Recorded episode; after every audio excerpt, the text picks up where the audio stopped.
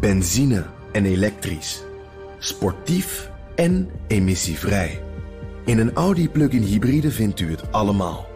Ervaar de A6, Q5, Q7 en Q8 standaard met quattro vierwielaandrijving.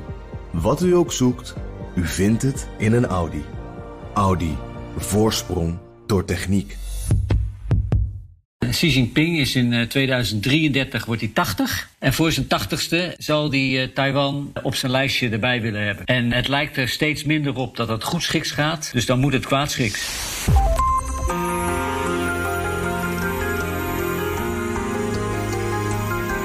Je luistert naar De Stratege, een podcast van BNR in samenwerking met het Den Haag Centrum voor Strategische Studies. Mijn naam is Paul van Liemt. It's being described as a new Cold War. Relations between the US and China are unraveling quickly. Another source of tension between the US and China is the disputed South China Sea. We made our policy on the South China Sea crystal clear. It's not China's maritime empire. China and the US are nuclear powers, but the threat of a medium or small scale conflict cannot be discounted.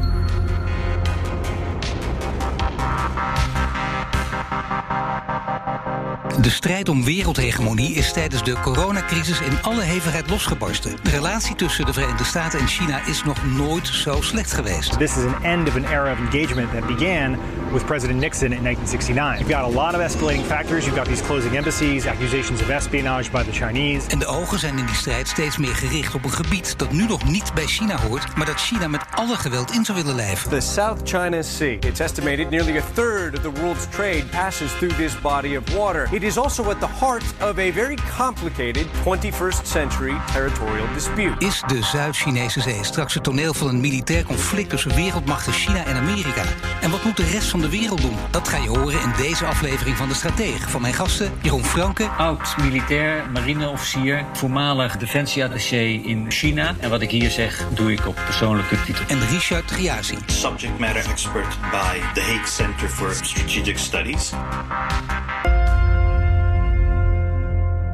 We vinden het steeds lastiger worden om ons aan de coronaregels te houden. Bijna de helft van ons allen heeft er eh, moeite mee. Het aantal besmettingen neemt toe. En de rode draad in de vastgestelde besmetting is telkens grote groepen mensen bij elkaar zonder anderhalve meter afstand te houden. Kom gewoon werken. Dat is de reactie van steeds meer werkgevers. Maar dat kuchje, ja, dat is toch iets wat niet mag. Richard, eh, lukt het jou een beetje om je aan de coronaregels te houden? Of slaat ook bij jou, zoals bij veel mensen, merk ik toch wel, ook bij jou de verslapping toe? Nee, de verslapping slaat eh, zeker niet toe. Eén keer dat hij wel een beetje toesloeg, had ik er meteen flink spijt van een paar dagen. Gelukkig zonder consequenties. Maar had ik zoiets van, eh, nee, ik zie het wel om me heen gebeuren hoor. Supermarkten en elders, dat, nee, mensen zijn de anderhalve meter regel vrijwel vergeten. Waar hou je nu op werkgebied vooral mee bezig? Op werkgebied onderzoek voornamelijk digitale zijderoute. Dus is ook onderdeel van China's zogenaamde BRI. Onder meer eh, alles, alles wat speelt nu tussen de EU en China. En het speelt tussen de VS en China. En eh, Jeroen, eh, we spreken met jou eh, vanuit Portugal. Je zit in Portugal. Eh, zijn ze daar wat voorzichtiger dan bij ons, of niet? Vind ik wel. Veel eh, mondmaskers dragen in alle winkels, eh, in publieke ruimtes. Ja, ik vind het hier plezieriger vertoeven dan in Nederland. Ja, ik zou bijna zeggen, dus het is prettig ook met die mondmasker, gewoon omdat je je veilig voelt. Ja, wij vermijden grote groepen. Eh, wij doen boodschappen op tijden dat de Portugezen lunchen. Dus we houden wel rekening mee. Ik ben nog niet naar Lissabon geweest, bijvoorbeeld. Eh, daar eh, woon ik ongeveer eh, een uur vandaan. Maar ik vind het hier plezieriger dan in Nederland op dat gebied. En was maar ik verslap het weer. heel- ja, het is ook eh, lekker weer. En ik verslap zeker niet. Ik eh, doe dagelijks sport. Ik doe dagelijks, eh, hou ik me toch bezig met ja, geopolitiek. En ik ben ook nog eh, directeur Sil Den Helder 2023 geworden. En ook daar ben ik eh, vanuit eh, Portugal mee bezig. Nou, moet je kijken, volgens, volgens mij kom je nooit meer terug. Nou ja, af en toe moet je toch weer terugkomen. Dus begin september ben ik weer in Nederland.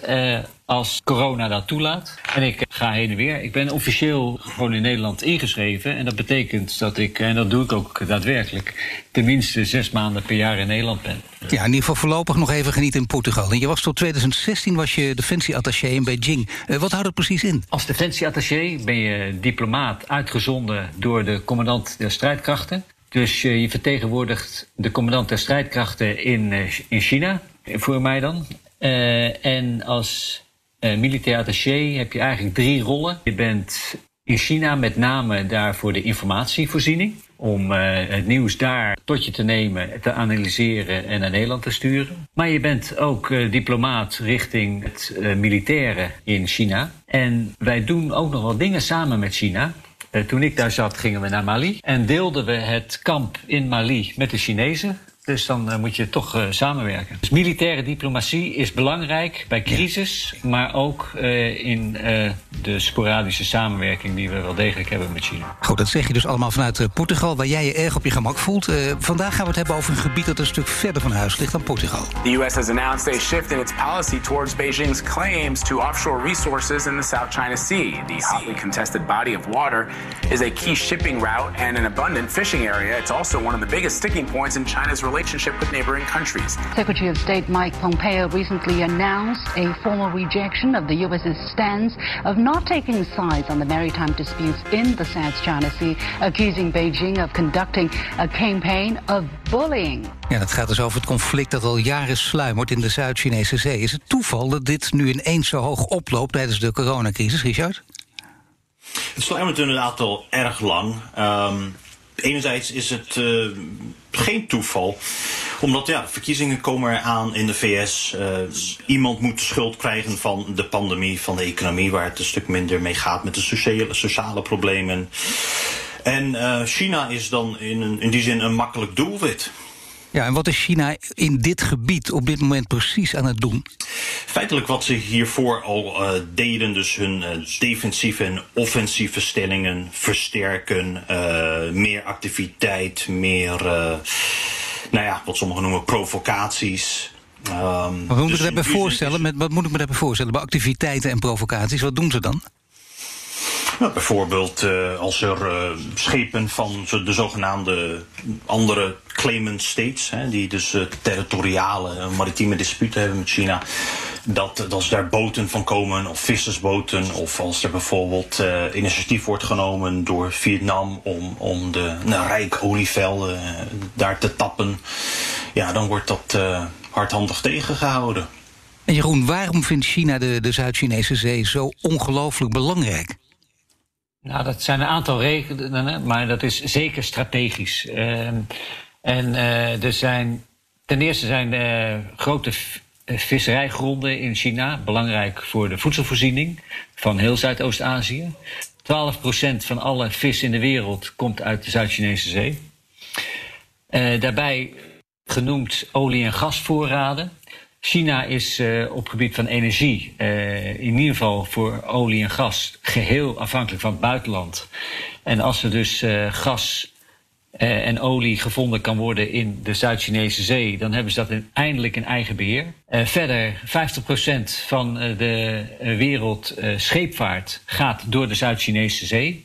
Dat komt omdat van de tien grootste havens ter wereld er acht rond de Zuid-Chinese zee liggen. Uh, en daarvan zijn er zes Chinees. Uh, en tenslotte militair. Uh, militair heel belangrijk, ook om twee redenen. Vanwege de defensie in diepte. voordat je het Chinese vasteland, maar ook Taiwan bereikt, moet je over de Zuid-Chinese zee als je vanuit het zuiden komt. En het tweede, nog belangrijker en minder bekende aspect is dat het noordelijke deel van de Zuid-Chinese Zee diep water is, waar uh, de Chinezen hun uh, nucleaire onderzeeboten met nucleaire ballistische raketten hebben gestationeerd. Ja, behoorlijk wat redenen dus. Maar als je er eentje moet uitpikken, wat is dan het, het belangrijkste geopolitieke doel dat het voor ze dient? Uh, het waarmaken van de China Dream. En dat betekent? Nou, de China Dream is een policy die Xi Jinping in 2012 heeft uitgezet en heeft twee eikpunten. 2021, 100 jaar na de oprichting van de Communistische Partij. Om uh, China een relatively well-off country te maken. Waar uh, de armoede verbannen is en iedereen tenminste 10.000 dollar per jaar verdient. En het tweede eikpunt is uh, 2049, 100 jaar na de oprichting van de Volksrepubliek China, waarin China eigenlijk weer het Rijk van het Midden is, zoals uh, 200 jaar geleden voor de Europese invloeden in China ook waren. Ja, wat krijgen ze nou precies in handen als ze bemachtigen wat ze willen hebben? Ze willen hebben? Nou, precies. Uh, kijk, als militair en bij militaire planning denken we aan uh, de center of gravity. Voor jezelf en voor de tegenstander. Uh, en dat is eigenlijk wat je zelf wil verdedigen en wat je wil aanvallen om de tegenstander op de knieën te krijgen. De center of gravity in China is heel makkelijk te bepalen. Dat is het behoud van de macht van de communistische partij. En die macht is afhankelijk van toch ook de wil van het volk. En zolang het volk heeft wat ze gewoon plezierig kunnen leven uh, en dus voedsel, ja, relatively well off, zal de macht van de communistische partij niet van binnenuit eroderen. De Zuid-Chinese zee is belangrijk om uh, voor de toevoer van alles, energiebehoeften, voor voedselveiligheid, derhalve een uh, belangrijk punt voor China. Ja, en China is zoals we weten, China is zoals we weten lang niet de enige die zich met het gebied bezighoudt. The expulsion of the 60 diplomats and their families is just the latest step taken by the US against a country it considers a national security threat. We are setting out clear expectations for how the Chinese Communist Party is going to behave. And when they don't, we're going to take actions that protect the American people, protect our security, our national security. The Trump administration's decision is the latest in a string of what it calls punishments for China's recent actions, officially opposing Chinese efforts to claim the South China Sea as its own. Ja, de Amerikanen zijn op dit moment duidelijk niet van plan om afzijdig te blijven dat conflict hè, om die Zuid-Chinese zee. Welk belang heeft Amerika erbij om, om China daar tegen te werken, Richard? Nou, aardig wat. Uh, kijk, de Zuid-Chinese zee strijdt ook voor China sterk om hun veiligheid. Maar inderdaad, en Jeroen gaf een aantal redenen en, en statistieken aan. Het is hier zeker ook om strategische redenen dat het zo belangrijk is voor China. En daarom dus ook voor de VS. Met welke landen in de regio betekent dit een territoriaal conflict? Het conflict is er met Vietnam, Indonesië, Brunei, de Filipijnen. Uh, en Maleisië. Nou, Brunei, klein land overigens, is, is steeds stiller geworden. Indonesië en Maleisië zijn ook al niet heel erg actief. Dus de, enige die nou ja, wat, uh, wat, wat luider zijn en zich ook sterker op de voorgrond zorgen maken zijn Vietnam en, uh, en de Filipijnen. En wat hebben die landen precies te verliezen, behalve natuurlijk land en zee? Ze hebben zeggenschap te verliezen. Ze hebben toegang tot die enorme olie- en gasvelden en de visserijen. Het probleem is dat PLA Navy, de marine van China, dus heel erg dicht in de toekomst op die grenzen van die landen kan zitten. En er is een beetje prestige natuurlijk. Ja, maar hebben die landen in met hun kritiek en, en met uh, de opmerkingen die ze te verliezen hebben, hebben ze daar ook een punt uh, als je kijkt naar internationaal recht? Als je kijkt naar internationaal recht, dan hebben ze dat inderdaad. Uh, met name als we kijken naar, naar UNCLOS. Dus China heeft een enorm gebied geclaimd. Er bestaat de zogenaamde negen streepjes, soms tien als je Taiwan daarbij betrekt. En ja, dat staat dus in conflict met UNCLOS, het verdrag dat de Chinezen zelf hebben getekend. En dat is dus ook bepaald door Den Haag, niet al te lang geleden.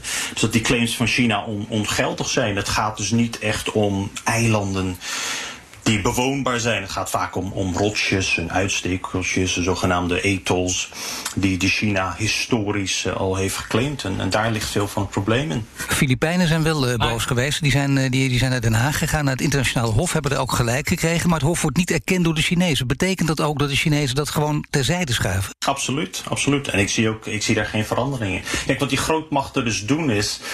De VS heeft dat dus ook eerder gedaan. Dus de gebieden om hen heen, daar proberen ze dus een buffer te creëren van, van stabiliteit. Uh, zones waar de sterkere vijanden uh, als het ware niet vlakbij in de buurt kunnen komen. Dus die, die claims die China heeft met betrekking tot de Zuid-Chinese zee, die gaan nooit weg. En, alleen maar sterker worden. En is er in dit, dit hele verhaal, is hier ook nog ergens een Nederlands belang te ontdekken of te ontwagen? Nou, ik denk zelf dat dit individueel voor Nederland wel meevalt. Maar als lid van de EU is er wel een belang, vooral ook omdat de EU een geopolitieke speler is. En het is ook een speler die China dus steeds meer, ja, het ziet het wel als een partner, maar ook steeds meer als een rivaal. Jeroen, jij wilde er niets aan toevoegen? Uh, ik vind het uh, belang van Nederland wel degelijk uh, groot. In Nederland hebben we eigenlijk slecht bepaald wat wij belangrijk vinden. Is dat economie of is dat internationaal recht? en in dit geval botsen die twee belangen. Dus wij vinden, zeggen dat we internationaal recht heel belangrijk vinden. Dat wordt met voeten uh, betreden. Uh, daarbij, uh, in het lijstje van tien grootste havensteden van de wereld staat Rotterdam al lang niet meer op één, maar nog wel binnen de top 10. En uh, al die handel die Rotterdam binnenkrijgt, een groot deel daarvan, komt door die Zuid-Chinese zee. Dus voor onze handel is de Zuid-Chinese zee en stabiliteit daar zeer belangrijk. Ja, misschien moet je daar even op reageren, toch, Richard? Ja, nou, die stabiliteit daar is inderdaad zeer belangrijk. Maar de, de claims die China heeft en het feit dus dat ze die zee uh, willen domineren heeft uh, niet direct invloed. Met betrekking tot internationaal recht, ja natuurlijk houden alle landen zich daaraan. Maar je ziet dat, dat de grootmachten, uh, die ook toch wel vaak makkelijk aan een laars kunnen lappen, als zogenaamde nou ja, hoofdinteresses, zogenaamde core interests, als die nou, potentieel uh, in gevaar liggen. Maar, maar Jeroen heeft natuurlijk ook over uh, Nederland, of Nederland het wel ziet ook, precies. Hè? Of Nederland wel weet wat haar eigen belang is, of ze dat goed genoeg kan afschermen en kan bepalen vooral. Nou goed, het definiëren ervan is één zaak. Het afschermen ervan is natuurlijk wat lastiger voor, uh, voor een Nederland. Um, uiteindelijk natuurlijk een bijzonder klein land. Maar in een EU-raamwerk uh, kan het zeker wat meer betekenen. Het zal zeker ook niet dan de enige belangheber in Europa zijn. Hè. Duitsland uh, die werkt er redelijk hard aan om, om dat uh, nou, op de kaart te zetten in Brussel. Frankrijk, Verenigd Koninkrijk voorheen als, als, als lidstaat. Dus er zijn meerdere belanghebbers in, in de EU. En, en Nederland kan dus inderdaad daar luider in worden. Ja, helpt dat een beetje, Jeroen, als je het op deze manier in EU-verband aanpakt? Ja en nee. Nederland alleen breekt geen potten. Dus we zullen het uh, in uh, internationaal verband moeten doen. We zien wel dat uh, China gewoon heel slim zijn politiek bedrijft en de landen van de EU uit elkaar drijft. Dat zie je bijvoorbeeld op het gebied van mensenrechten. Na de financiële crisis heeft China hulp gegeven aan Griekenland, Portugal onder andere. Italië is nu ook toegetreden tot de landen van Belt and Road Initiative. Dus China heeft belangen daar en die landen zijn best wel loyaal aan China en houden dus hekele punten bijvoorbeeld op het gebied van uh, mensenrechten binnen de EU richting China tegen. Dan kun je zeggen dat er in ieder geval veel spanning staat op dit gebied. En de vraag is of het in de Zuid-Chinese zee blijft, bij vooral een woordenstrijd. Flying warplanes over the Scarborough Shoal, conducting drills in the South China Sea, joining war games with Russia. And sending militia fleets swarming into waters contested with Japan. A new study by Rand Corp says that a Sino US war is a possibility as China flexes its muscles in the disputed waters. Violence could ignite quickly since each side has a strong incentive to pull the trigger first, rather than risk losing their planes and ships to precision attacks from the other. Ja, je hoort nu steeds vaker hè, dat de kans op een, op een groot militair conflict uh, om de Zuid-Chinese zee, dat die kans heel groot is. Uh, is dat waar ook, uh, Jeroen? Nou, ik denk wel dat de kans groter wordt. Xi Jinping heeft in 2014 of zo gezegd dat ze de Zuid-Chinese zee niet militariseren. En tegelijkertijd bouwen ze die eilanden, zetten daar raketten op en ook gevechtsvliegtuigen. Uh, de PLA Navy is al uh, genoemd. Uh, maar daarnaast, met de reorganisatie van 2018, is ook de kustwacht volledig onder de militaire paraplu gekomen. En de kustwacht is heel erg actief in de Zuid-Chinese Zee.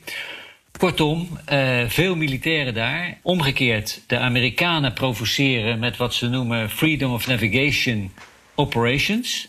Maar dat doen niet alleen de Amerikanen.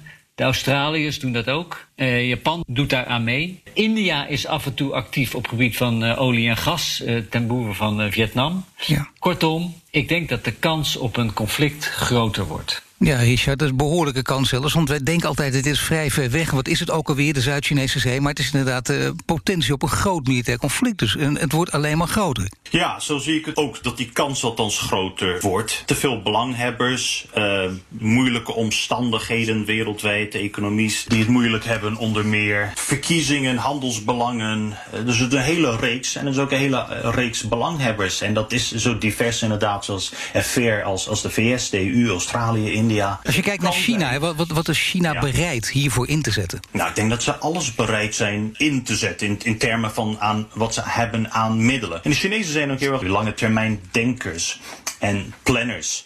En ze vorderen waar nodig ook met microstappen. Hè. Het hoeven niet per se grote stappen te zijn elke keer. En met hun politieke systeem kunnen ze zich dat ook veroorloven. Maar ja, dat kunnen ze. Aan de andere kant, wat is de status van China als militaire macht? Nou, ik denk dat eh, China een grote militaire macht is geworden. Eh, ze hebben inmiddels het eh, tweede grootst militair budget. De PLA Navy is van een eh, kustwachtverdediging uitgegroeid tot een wereldwijd opererende marine. Die inmiddels in aantallen meer schepen heeft dan de Verenigde Staten. Misschien niet in grootte. De Amerikanen hebben nog steeds elf eh, vliegkampschepen, terwijl de Chinezen er nog slechts twee hebben. En op weg zijn naar eh, waarschijnlijk vijf of zes. Maar de marine is echt wel om rekening mee te houden. Ja, maar als je het zo zegt, dan betekent dat dus... als er een, een serieuze confrontatie komt met, met andere grootmachten... bijvoorbeeld dus met Amerika... Dat, dat China ook een serieuze kans heeft om te winnen. Dat is inderdaad zo. En eh, in hun defensie white paper is dat ook hun aim. Eh, vroeger was het eh, hun aim om eh, het land effectief te kunnen verdedigen. Daarna werd het om local wars te kunnen winnen, bijvoorbeeld tegen Vietnam. En nu is het al om regionale oorlogen te kunnen winnen. Ja, dat is goed dat je dit zegt, hè, want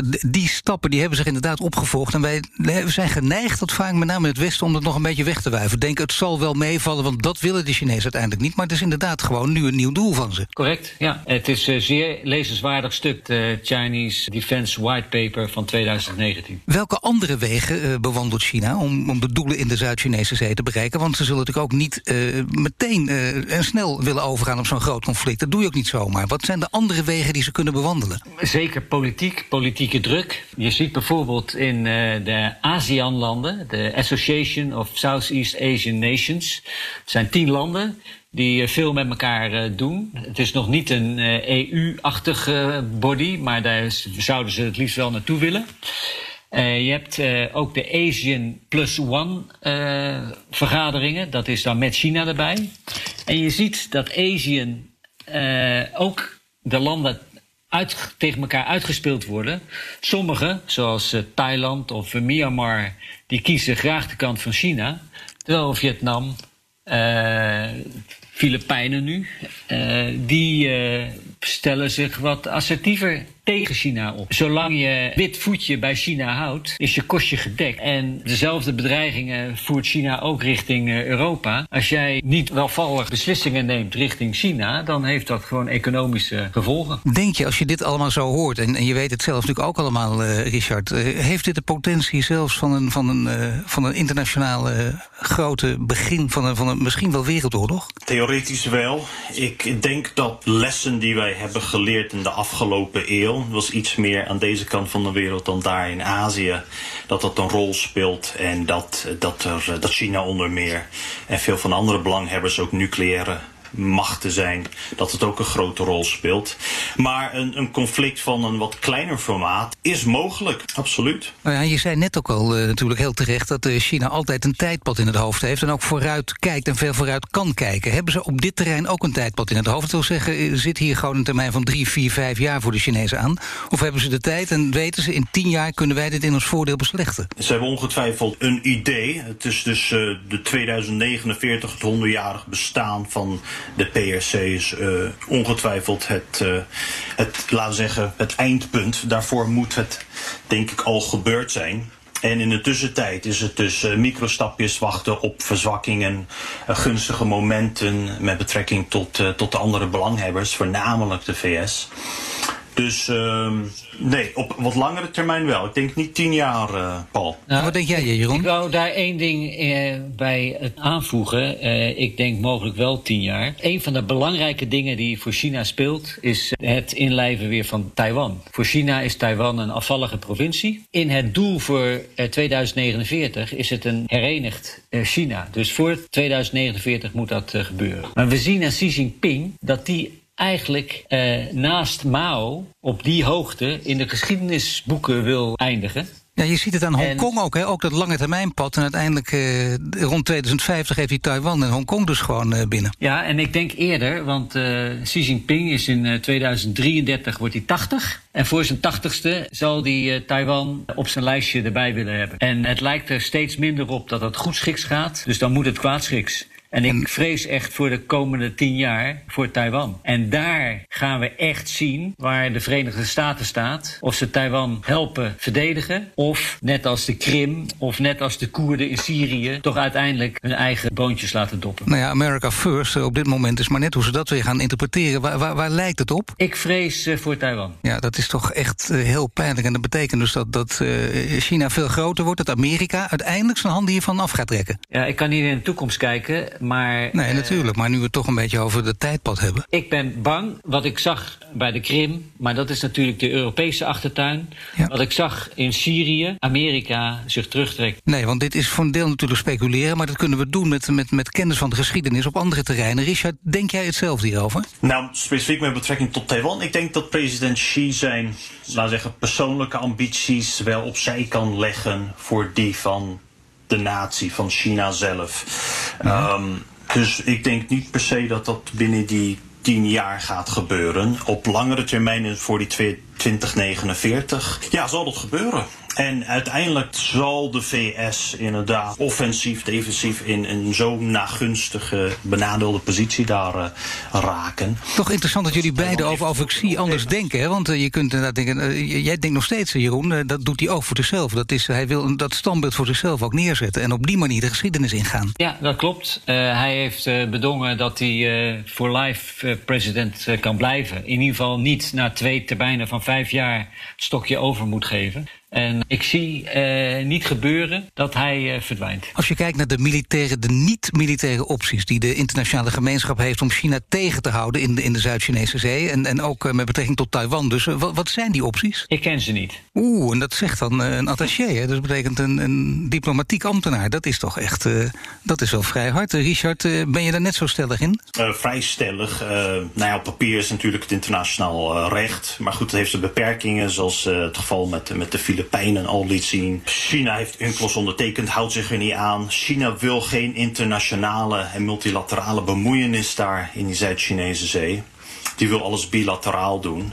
Maar het is ook zo dat de rest van de wereld eh, die is dus niet verenigd in haar standpunt met betrekking tot de Zuid-Chinese zee. En ook niet iedereen vindt het even belangrijk. Dus ja, dan sta je automatisch al wat zwakker. Natuurlijk zijn er wel wat, wat grotere landen, VS, Australië, Japan, India, EU. eh, maar ja, toch, hè, die- dat gebied is zo belangrijk. eh, zeker als je er wat meer in verdiept. Hè, militair, strategisch, geopolitiek. eh, dat wil je niet zomaar aan China geven natuurlijk. Want dan maak je China in- inderdaad eh, heel erg groot opeens. Nou, maar goed, je moet dan dus kijken, als we er toch gaan speculeren. Wat zou China doen als ze dominant zouden zijn in die Zuid-Chinese zee? Wat kunnen ze doen? Wat zouden ze doen? Dus daar is natuurlijk de vraag: eh, wat, wat kunnen ze inderdaad? Wat voor schade kunnen ze richten? Kunnen ze dus bepaalde schepen blokkeren? Theoretisch ja, zoals de, de US Navy dat nu ook kan. Eh, Maar de, de vraag maar- op zich is heel goed die je stelt. Maar wat is het, het algemene antwoord dan? Wat, wat kunnen ze daar doen? Strategisch gezien hebben ze dan dus, laten we zeggen, hun buurt in orde. Het, groot, grootste deel daarvan, dus qua land en een goed deel van de zee. Want we hebben het ook nog over de, de Oost-Chinese zee.